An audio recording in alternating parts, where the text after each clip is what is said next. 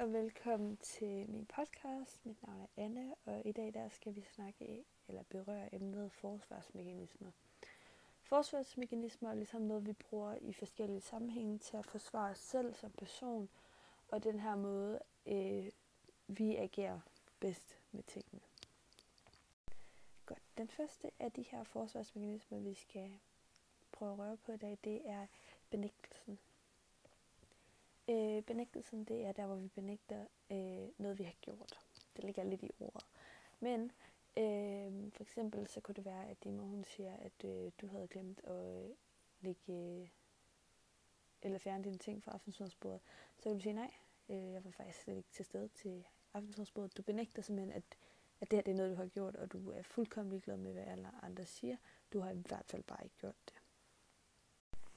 Godt. Øh, nummer to, det er forskyldningen. Øh, her der prøver vi ligesom at sige, at det, det er ikke mig. Øh, det er ikke mig, der har gjort det. Så for eksempel lad os sige, at jeg havde smadret et vindue i skolen. Så vil jeg sige, at øh, det var ikke mig. Det var øh, de to andre personer, der ikke var til stede. For eksempel. Det var dem. Det var overhovedet ikke mig. Jeg har aldrig gjort noget af det, og det er faktisk fordi, at man ikke har lyst til at at være en del af det her problem, så man ligesom bare prøver at skulle skylde på alle andre end en selv. Så er vi simpelthen nået til nummer tre, og det er fortrængningen. Her der forestiller man sig simpelthen, at det er, der er sket noget her, og det er noget, man faktisk slet ikke har lyst til at huske på. Så man går simpelthen ind i sin hjerne, og så glemmer man fuldstændig, hvad der er sket. Du siger, jeg er der ikke, du har slet dig selv for begivenheden, og du har sendt dig selv for de mennesker, der var til stede, så man simpelthen siger, I, jeg har ikke lyst til at være en del af det, fordi det simpelthen har været så ubehageligt for dig selv. Så man vil simpelthen ikke være vidne til det.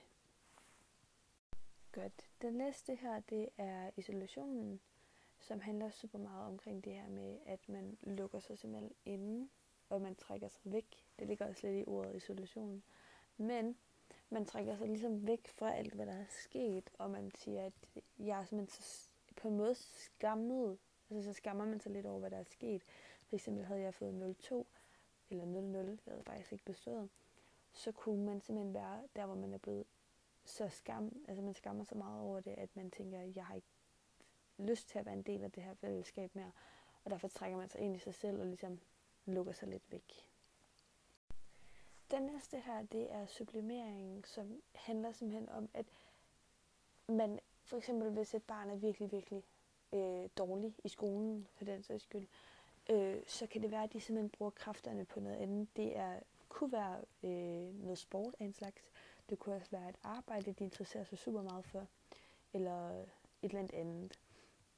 Det handler simpelthen bare om, at man føler, at man er dårlig til noget, og derfor så prøver man ligesom at supplere med noget, der man måske er bedre til, så man kan bruge sine kræfter på noget helt andet.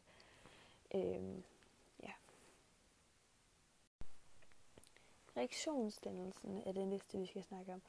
Det øhm, kan være, at en person ligesom kommer fra en baggrund, hvor de har haft utrolig meget stress eller depression for den sags skyld, og lige pludselig så dannes de til at være et, et fuldstændig udadvendende, gående, eller udadvendt menneske, som ligesom prøver at, at snakke med alle mennesker og være meget åben. Øh, så man går ligesom fra at være et sted, hvor man har lukket alle sine tanker og sig selv ind i en lille boks, og man har ikke lyst til at snakke med nogen eller være sammen med nogen, til lige pludselig at være sådan en person, der bare har behov for at være sammen med folk hele tiden. Så det er simpelthen derfor, det hedder en reaktionsdannelse, at du, du danner dig fra et sted til noget andet, men det modsatte som rent. En af de sidste her, det er repression, som handler super meget omkring det her med, for eksempel hvis dig og din bedste veninde nu har været op og skændes, altså fuldstændig ikke haft lyst til at være noget med det, så kan det være, at personen, som har den her reaktions forsvarsmekanisme, kan være, at man tænker, jeg har bare lyst til, at det her det skal genskabes. Jeg gør alt for, at det her det skal være godt igen. Så man ligesom bare prøver at, at ligesom bygge det her ødelagte op igen. Så har vi regression, som er en person, som ligesom vender væk fra noget, der de tidligere hen har haft rigtig meget at gøre med. Som for eksempel den, der har stræbet igennem hele sit skoleliv. som lige pludselig bliver rebel og gør alt for ikke at følge reglerne og ikke lave sine lektier og bliver det fuldstændig modsat af, hvad han har været før i tiden, øh, fordi hans mor og far, de måske er blevet skilt. Øh, det kan også være den ellers sådan renlig treårige, som begynder faktisk at tisse i bukserne, fordi han får en lillebror. Så der er ligesom sket en omvæltning i livet, som personen ikke kan lide, og derfor så reagerer de på en måde, altså en negativ måde. Den sidste her, det er resolualisering, også kaldt bortforklaringer. Øh, det er ligesom, hvor at man prøver at bortforklare, hvad der er sket. Øh, det ligger meget i ordet, men øh, for at komme med et, et ydre eksempel, så kunne det være for eksempel, at jeg havde øh, røvet en bank. Og så prøver jeg ligesom at forklare det på den måde, at øh, man finder en fornuftig og res, altså rationaliseret måde at forklare det her på. Så for eksempel, det kunne være, at jeg havde fået et chok, et adrenalinchok, og lige pludselig så havde jeg bare tænkt, det er noget, jeg skal gøre. Fordi det er faktisk noget, der kan lade sig gøre. Det er noget, der kan ske. Det er noget, det er en hjerne, der faktisk kan ske.